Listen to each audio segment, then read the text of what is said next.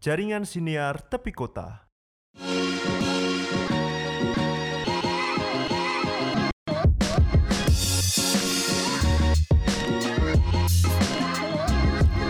Halo, selamat datang di House of Blues Podcast bersama saya Ubed Krishna dan Ariandi Purnomo. yang akan membicarakan semua hal tentang Chelsea Football Club, klub kebanggaan kita semua. Halo Yan, apa kabar? Baik, kabarmu Bet? Baik juga, ini episode pertama kita dan di episode pertama ini kita akan langsung membahas pertandingan di game week 12 antara Everton dan Chelsea dan preview pertandingan antara Chelsea melawan Wolves Rabu dini hari besok.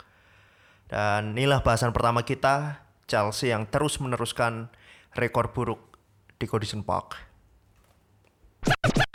Yan, dari 8 kunjungan Chelsea ke Goodison Park, 8 kunjungan terakhir Chelsea kalah 5 kali, imbang satu kali dan dua kali meraih kemenangan. Dua kemenangan itu pun diraih di tahun 2014. eh, 2015 dan musim 2016-2017 di mana Chelsea mengakhiri musim jadi eh, juara ketika dilatih Mourinho dan juga Conte. Di pertandingan semalam statistik nih mencatat eh, Chelsea berhasil menguasai pertandingan 72%, Everton hanya 28%, shoot on target Chelsea 10 kali tapi hanya tiga kali yang tepat sasaran, Everton 9 kali tapi empat kali tepat sasaran, lebih banyak satu kali. Kedua tim sama-sama mendapatkan sepak pojok enam kali. Dan yang ini yang yang eh, statistik yang sering kita gunakan sekarang expected goal yang mengukur kualitas sebuah serangan. Eh, selama pertandingan Everton mendapatkan 1,34 sedangkan Chelsea hanya 1,09 yang bikin agak heran di babak kedua Chelsea hanya membuat 0,17 padahal ketinggalan 1-0 sedangkan Everton lebih banyak dengan 0,39 ini pertandingan yang cukup mengecewakan untuk semua fans Chelsea. Sangat terlihat eh, tim ini kekurangan kreativitas. Gimana ya pendapatmu? Eh, bener ya, kayak pertandingan melawan Everton itu jadi sebuah pertandingan, eh, pertandingan melawan Everton di Goodison itu jadi sebuah pertandingan yang akan yang sangat sulit buat Chelsea. Karena tadi rekornya dan dan kekalahan semalam juga bikin eh, dari 9 perta- dari 9 pertandingan Chelsea di Goodison itu berarti kalah enam kali ya? Udah jadi kalah enam kali. Nah selain sebenarnya semalam Chelsea bu- cuma, bukan cuma ke- kekurangan kreativitas sih. Eh, hampir semuanya kurang. Kayak mungkin satu-satunya yang Chelsea satu-satunya sisi di mana Chelsea bagus itu adalah intensitas. Mereka pressing tapi begitu dapat bola kayak bingung bolanya mau diapain a- apakah ini karena kekurangan uh, pemain yang bisa mengatur uh, serangan seperti Ziyech uh, ataupun juga Pulisic yang menerobos di sisi kiri dan dan sebagainya. Nah, eh, di pertandingan semalam juga kita bisa lihat bahwa Chelsea nggak bisa main tanpa winger murni. Kita lihat semalam yang main di kiri adalah Werner, di mana dia sebenarnya seorang striker, seorang nomor 9 dan Havertz yang sebenarnya dia nomor 10 atau nomor 8. Nah, eh, sebenarnya kehilangan Pulisic tidak cukup berpengaruh tapi masih bisa ditanggulangi karena Werner di sisi kiri juga cukup bagus eh, mainnya. Tapi kehilangan Ziyech ini di sisi kanan yang eh,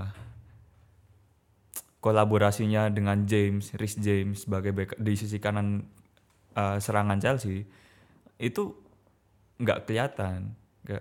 Havertz nggak bisa menggantikan peran Ziyech di situ. Jadi kalau dilihat dari pertandingan semalam, eh Havertz beberapa kali ngasih operan ke Rhys James yang nggak nggak pas kayak ada sesuatu yang hilang di situ kayak chemistry-nya belum dapat antara mereka berdua dan itu pertandingan semalam ini kalau ada Ziyech pasti akan berbeda alurnya. Apa apakah ini memang eh, menunjukkan kualitas Havertz yang tidak bisa dipasang atau diposisikan selain di belakang striker seperti posisi yang dia sukai. Eh, nggak juga sih karena sebenarnya musim lalu di Leverkusen Havertz cukup sering main di posisi itu.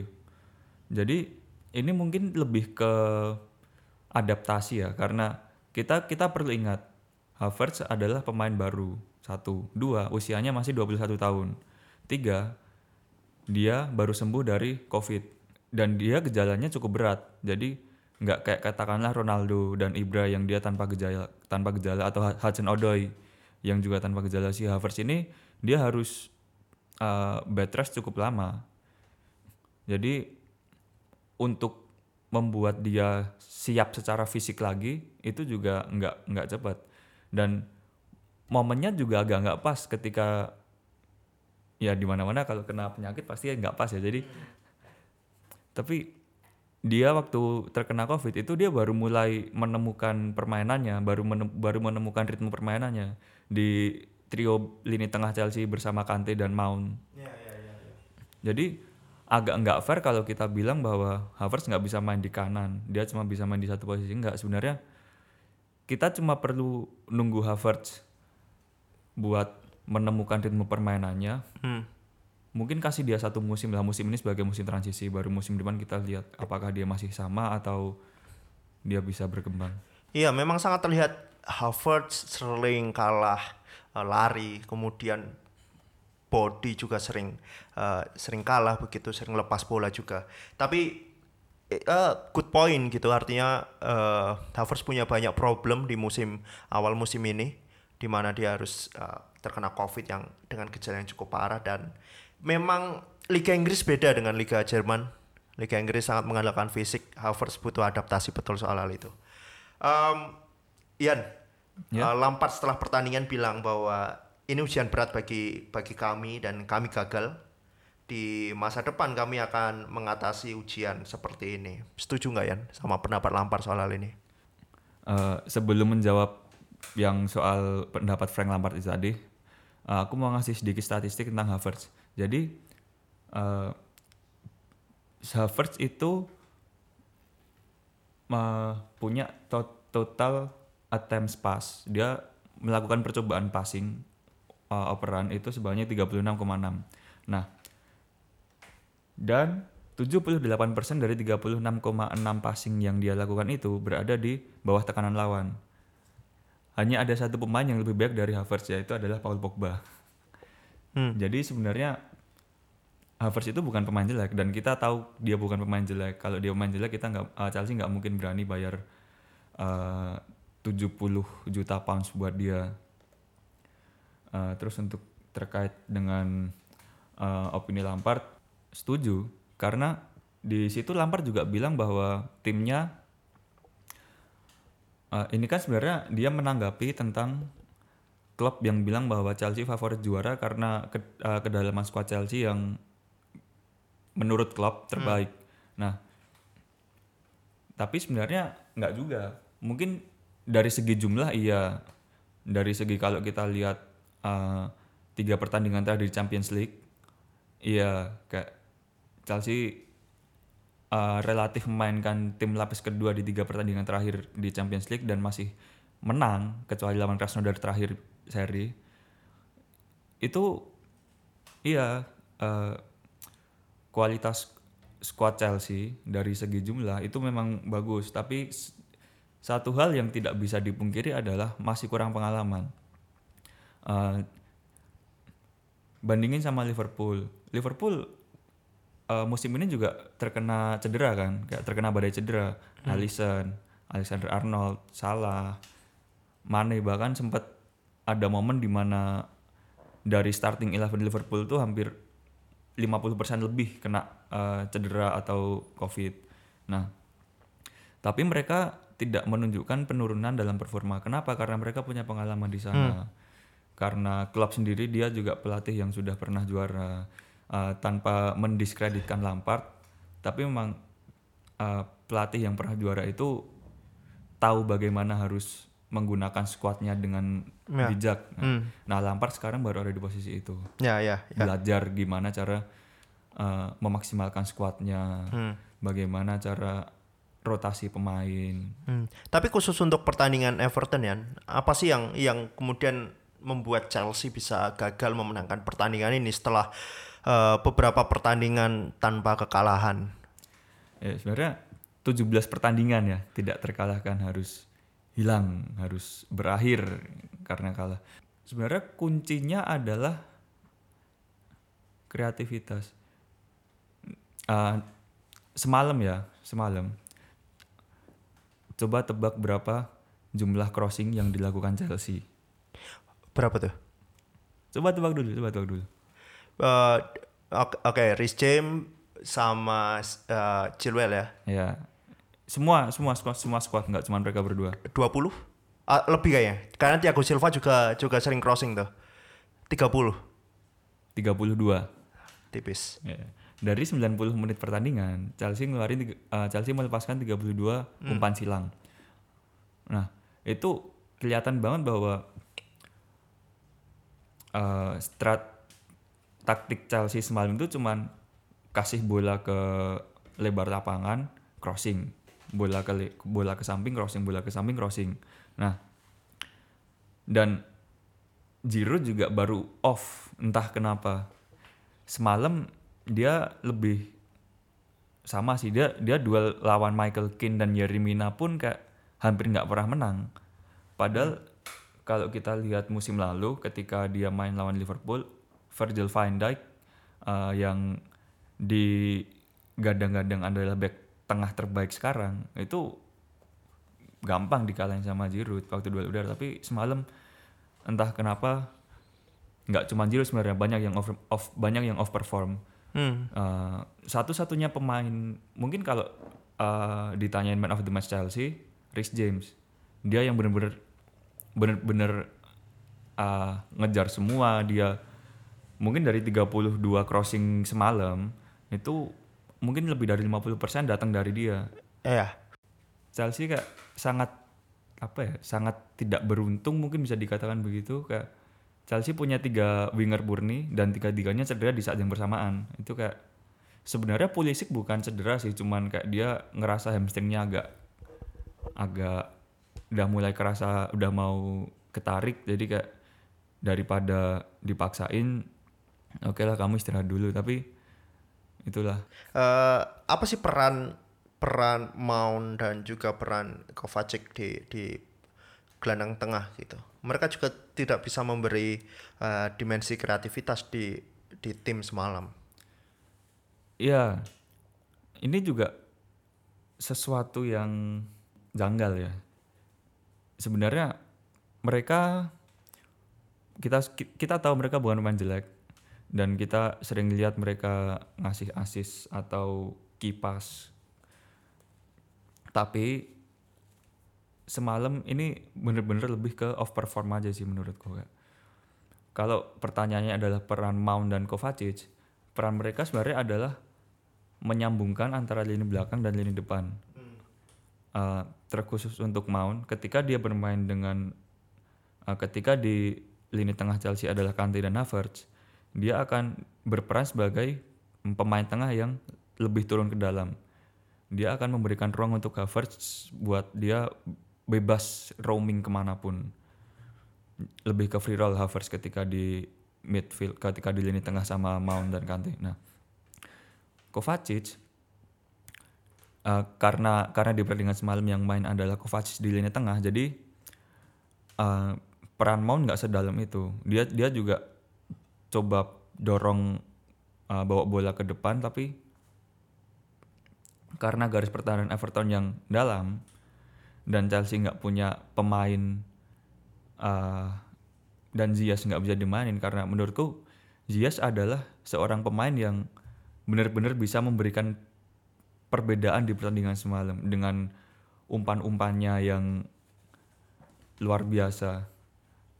Jadi sebenarnya peran peran Mount adalah dia sebagai jembatan dan dia juga sering kali sebagai uh, trigger buat melakukan pressing. Kovacic pun seperti itu. Kovacic uh, kelebihan dia adalah dia seperti tidak bisa di pressing.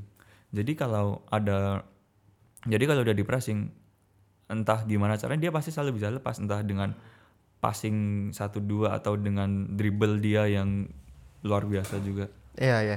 Uh, tapi cukup mengejutkan nggak Yan uh, buatmu ketika Kovacic kemudian diganti Gilmore uh, ketika pertandingan pertandingan uh, Chelsea tertinggal terus kemudian diganti Gilmore yang ya mungkin bagi banyak orang tidak cukup punya pengalaman di bawah tekanan begitu.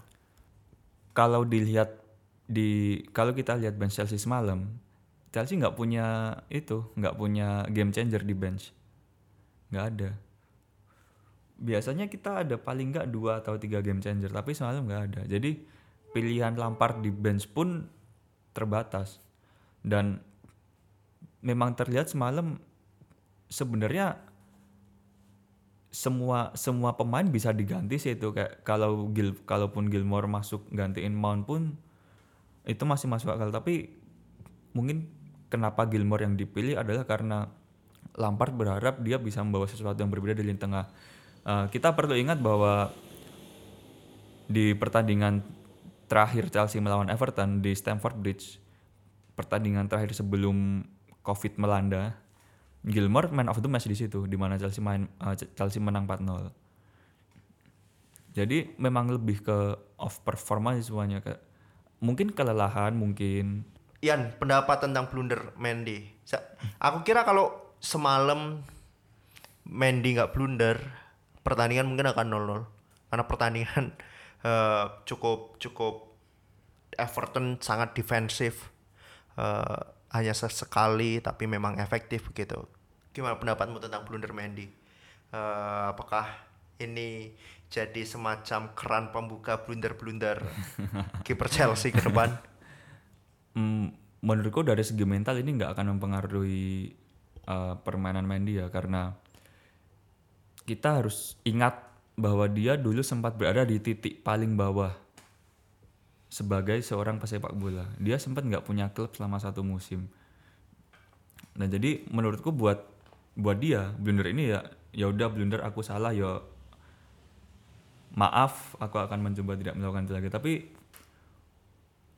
mungkin satu dua kali mungkin kita akan melihat itu satu dua kali sih blunder Mandy uh, karena dia juga pemain dia baru di Premier League.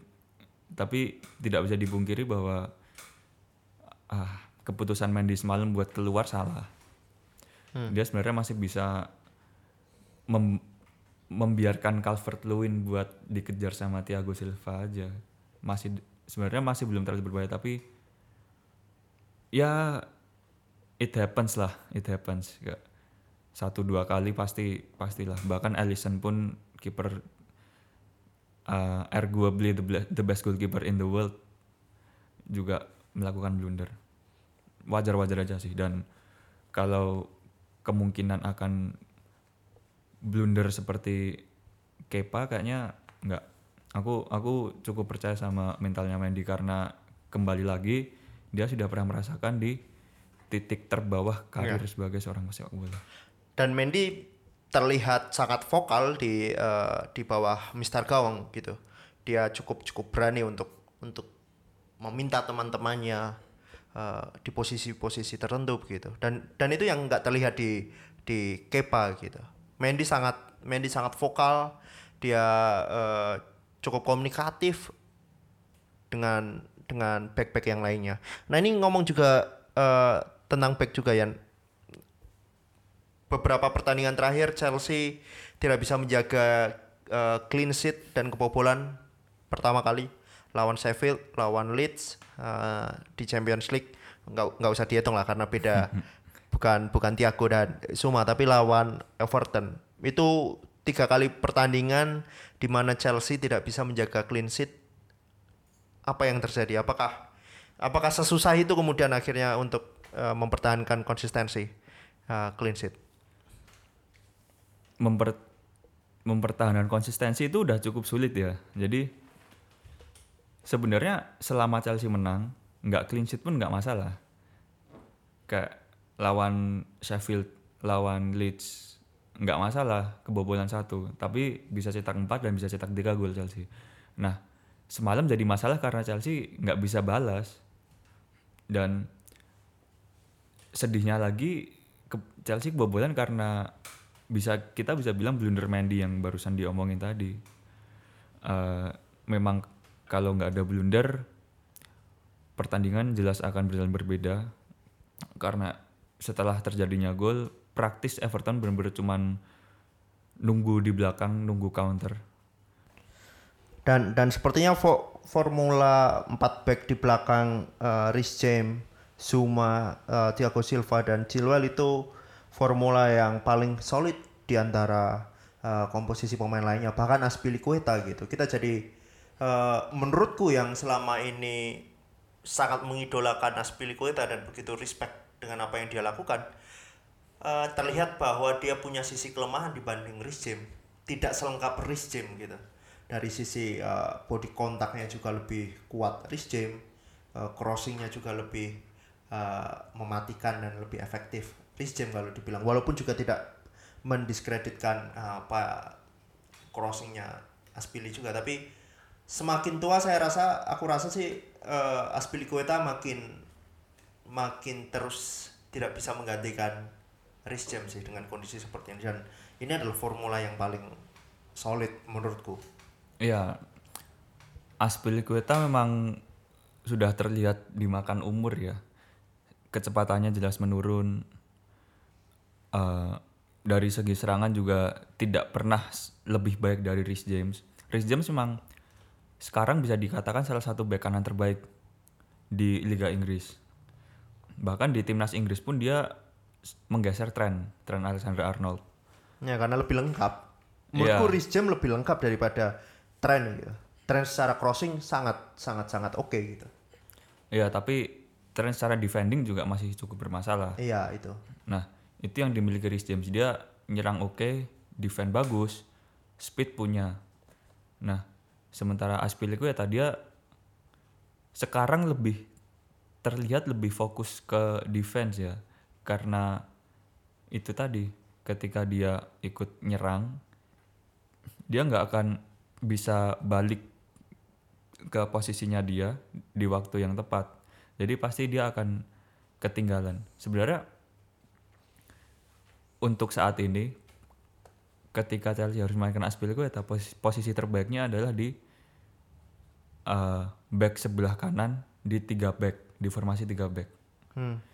Sayangnya sekarang Chelsea kayaknya formasinya udah paten 4-3-3 nggak nggak akan ganti-ganti lagi soalnya memang terbukti formasi itu paling efektif memang. Alright, terakhir Yan, kita ngomong soal Werner sebelum kita menuju ke bahasan lawan Wolves. Kita ngomong soal Werner. Werner terakhir cetak gol lawan Sheffield. Berarti sudah 8 pertandingan nggak ngegolin, 8 pertandingan di segala kompetisi ya. Ehm, apa yang terjadi? Torres Jerman kah? Eh, ap- apakah sudah waktunya untuk fans Chelsea khawatir dengan yang terjadi sama Werner? Jujur kalau aku nggak, eh, aku masih terus percaya Werner, kecepatannya sangat eh, bisa diandalkan dan ini hanya tinggal menunggu Werner menemukan satu gol agar dia keran golnya dibuka lagi sih. Ya, saranku buat fans Chelsea sih mending segera kalau masih punya Werner di tim FPL-nya dijual aja. Saranku buat fans Chelsea itu. Bukan berarti Werner akan flop atau seperti katamu jadi Torres versi Jerman, enggak. Aku juga yakin tapi sama kayak Havertz. Dia musim ini musim pertama dia di Liga Inggris. Dan lebih banyak positif daripada negatifnya musim ini iya dia membuang ber- bermat- berbagai macam peluang termasuk goal line clearance di gawang Leeds United minggu kemarin. Nah, itu bak itu kayak komentatornya kan bilang kayak dia nggak akan nggak akan melewatkan peluang itu lagi sepanjang karirnya. Itu dia pencetak gol yang ulung jadi khawatir nggak perlu was-was nggak perlu seperti yang kamu udah bilang tadi bet speednya luar biasa dan yang penting adalah dia dapat peluang. Dia dapat peluang. Kalau ki- kita kita boleh uh, kita harus mulai khawatir ketika Werner nggak dapat peluang sama sekali di beberapa pertandingan. Tapi sampai uh, sampai sekarang sih meskipun dia membuang banyak peluang, tapi dia dapat dia dapat peluangnya. Dia dia berada di posisi yang tepat meskipun finishing touch-nya sering mengecewakan kita semua dan dirinya sendiri. Chelsea bakal bertanding ke Molineux di hari Rabu dini hari waktu Indonesia Barat uh, buat melawan Wolves. Yan, uh, gimana kira-kira pertandingan besok? Apakah penampilan Chelsea akan lebih buruk daripada pertandingan lawan Everton? Ini menarik ya kak. Chelsea cuma punya waktu dua hari. Sabtu main, jam 8 malam lagi di sana. Selesai jam 10. Mungkin minggu beristirahat, Senin latihan, Selasa. ah, Aku nggak tahu mereka ke Wolves-nya hari apa, tapi mungkin antara Senin malam setelah latihan atau Selasa pagi. Itu mereka harus harus berangkat lagi ke Wolf. Apakah kita harus bersiap-siap untuk melihat apa yang terjadi di Goodison lagi? Kayaknya sih enggak. Karena dari beberapa pertemuan terakhir rekor Chelsea di sana cukup bagus. Bahkan terakhir kan Tammy Abraham cetak hat-trick di sana dan Chelsea menang dengan cukup nyaman 5-2 Mung- dan dan Wolves pun juga uh, di pertandingan besok harus main tanpa Joao Moutinho yang di kartu merah di pertandingan sebelumnya lawan Aston Villa. Jadi Plus Raul Jimenez juga. ya Raul Jimenez yang uh, uh, berbenturan sama David Luiz dan harus absen beberapa bulan. Ya jadi apakah kita harus bersiap-siap untuk per- uh, penampilan yang lebih dari Everton? Enggak mungkin kita malah harus berekspektasi bahwa Chelsea akan tampil lebih baik karena mungkin akan ada beberapa rotasi ya. Jadi mungkin kalau Billy Gilmore bermain sejak awal, aku nggak akan kaget karena ya itu yang dibutuhkan Chelsea. Itu yang dibutuhkan Chelsea. Chelsea butuh sesuatu yang baru. Dan dan eh, Pulisic apakah dia sudah bisa bermain ya eh, di pertandingan besok? Setelah pertandingan melawan Everton, Lampard bilang kalau seharusnya dia bisa bermain. Tapi kita semua nggak ada yang tahu apakah dia akan bermain atau nggak karena Pulisic punya uh, sejarah cedera yang cukup buruk ya. Jadi mungkin kalau misal mungkin Lampard bisa merasa bahwa wah ini kalau Pulisic bermain dia akan jelas cedera dan malah harus rehabilitasi lagi Makin lama bu- ya. ah, makin lama. Jadi ya itu masih 50-50 tapi Lampard bilang kalau seharusnya dia siap buat lawan Wolves. Jadi kita tunggu aja press conference-nya Lampard kayaknya di hari Senin malam. Hmm. Eh, kira-kira selain Gilmore yang akan masuk, mungkin menggantikan Kovacic paling paling jelas gitu. Mon kayaknya tidak akan tergantikan, Kante gak akan tergantikan dan back four tidak akan tergantikan. Eh, yang jadi pertanyaan kemudian siapa yang akan mengisi pos eh, penyerang, terutama di sayap kanan. Eh, mungkin kalau Pulisic bisa bermain, Werner di sayap kanan yang dan yang di tengah eh, Giro. It- itu itu pendapatku sih itu. Ya, kiper dan 4 back jelas nggak akan berubah. Kante nggak akan berubah, Mount nggak akan berubah, Werner nggak akan berubah. Jadi ada tiga posisi yang mungkin ganti yaitu adalah Giroud, Havertz, dan Kovacic. Mungkin kalau Pulisic bermain, Pulisic bisa bermain dari awal, dia mungkin bener akan bermain di sayap, di sayap kiri, Werner akan pindah di kanan, dan Havertz akan dipindah ke nomor 8. Yang menjadi tanda tanya adalah posisi nomor 9, Giroud atau Abraham, karena eh, sekarang menurutku posisi posisi mereka sama ya. em, mereka sama-sama bisa cetak gol, mereka sama-sama bisa ikut build up dari belakang. Tammy Abraham musim ini eh, perkembangannya cukup pesat di segi itu membantu membantu tim bermain dari belakang. Tapi mungkin menurutku yang akan bermain dari awal adalah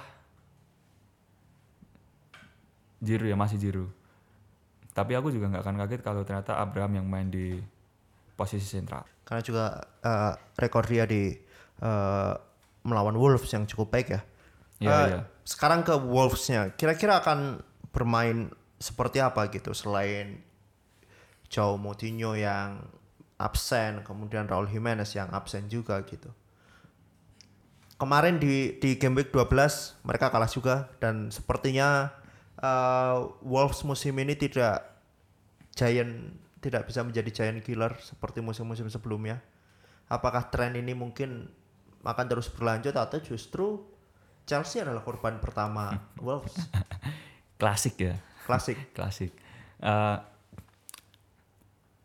sebenarnya Wolf itu cukup kejam sih hasil pertandingan melawan Aston Villa itu cukup kejam. Sebenarnya mereka tidak pantas kalah.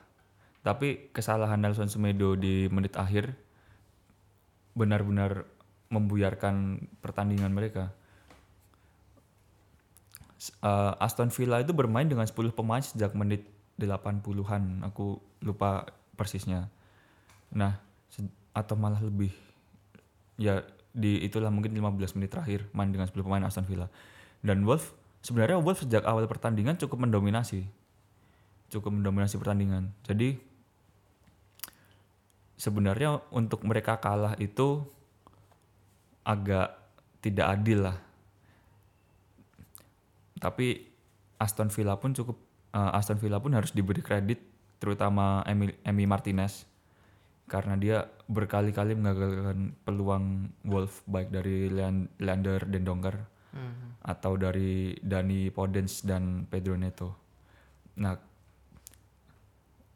menurutku Wolf akan bermain seperti tim-tim lain ketika bermain melawan Chelsea ya. Mereka akan eh, bermain dalam dan bermain rapat dan berharap dan mereka akan mencari gol melalui counter attack karena mereka punya Daniel Podence dan Pedro Neto dan Fabio Silva di tengah walaupun walaupun dia sejauh ini belum menunjukkan permainan terbaiknya tapi Fabio Silva harus kita ingat bahwa dia dibeli dengan jumlah uang yang tidak sedikit. Kalau tidak salah sekitar 30 juta pounds untuk pemain yang berusia belum 20 kalau nggak salah dia. Ya, eh, ya ini ini sepertinya akan menjadi pertandingan yang cukup seru. S- keduanya sama-sama menelan kekalahan di pertandingan sebelumnya. Yang jadi eh, pertanyaan kan kemudian adalah eh, Chelsea menghadapi pertahanan Wolves seperti yang kamu katakan yang mungkin akan eh, lebih fokus untuk mendapatkan serangan balik. Siapa yang akan jadi sumber kreativitas di di Chelsea kalau begitu untuk menerobos eh, pertahanan Wolves yang cukup ketat. Kalau Pulisic main eh, permasalahan itu akan selesai karena Pulisic dia pasti bisa menarik dua pemain Wolf minimal. Ketika Pulisic satu lawan ke- ketika dia cuma dihadapkan dengan satu orang pemain Wolf, pasti dia bisa kemungkinan besar dia akan lewat dengan mudah. Nah, ketika Pulisic main, sumber kreativit- eh, kreativitas Chelsea akan muncul lagi. Karena itu tadi dia bisa menarik eh, pemain bertahan Wolf dan dia bisa eh, bahkan itu tanpa bola ya, dia tanpa bola bisa menarik per- eh, menarik per- menarik pemain Wolf. Jadi eh, pemain tengah Chelsea, Mount atau Havertz atau bahkan Werner bisa bisa dapat ruang yang lebih lebih lebih lebih luas. Hmm. Nah, pertanyaannya adalah baga- eh, gimana kalau Pulisic nggak main gitu kan? Ya. Jadi timnya mungkin sama kayak lawan Everton nih. Nah mungkin ketika Pulisic nggak bermain, lagi-lagi kemungkinan Gilmore akan masuk karena dia sudah menunjukkan bahwa dia bisa main di level itu di musim lalu eh, lawan Everton dan Liverpool di musim ini lawan Krasnodar dia sudah menunjukkan bahwa dia bisa bermain di level itu dan mungkin dia bisa jadi pembeda di pembeda di Chelsea ya dari tim Chelsea yang kalah di Everton. Tapi hmm, mungkin Chelsea nggak akan terlalu kesulitan di Mourinho karena pertahanan Wolves juga tidak serapat itu dan kalau kita lihat uh, dari pertan uh, pertandingan-pertandingan sebelumnya Wolves cukup cukup mudah lah untuk di dibongkar. Dan perlu kita ingat juga bahwa di pertandingan lawan Everton set piece dari Chelsea nggak ada yang bagus. Entah kenapa Chelsea yang musim ini udah mencetak sekitar mungkin 5 gol dari set piece. Itu kemarin sama sekali nggak muncul set piece-nya. Hmm. Mungkin selain selain selain tendangan bebas ya yang Ya. yang kena tiang. tiang heeh, dan Rhys James sebelum tendangan bebas Rhys James sebelumnya yang masih bisa ditepi sama Pickford. Hmm, Tapi ya mungkin ketika Chelsea buntu melalui open play, set piece bisa jadi satu satu opsi yang menarik karena kita bisa lihat di lini belakang Wolf mereka bukan pemain pemain bertahan mereka bukan pemain-pemain tower lah. Hmm, Oke, Ter- terakhir Yan. Prediksi skor Chelsea lawan Wolves.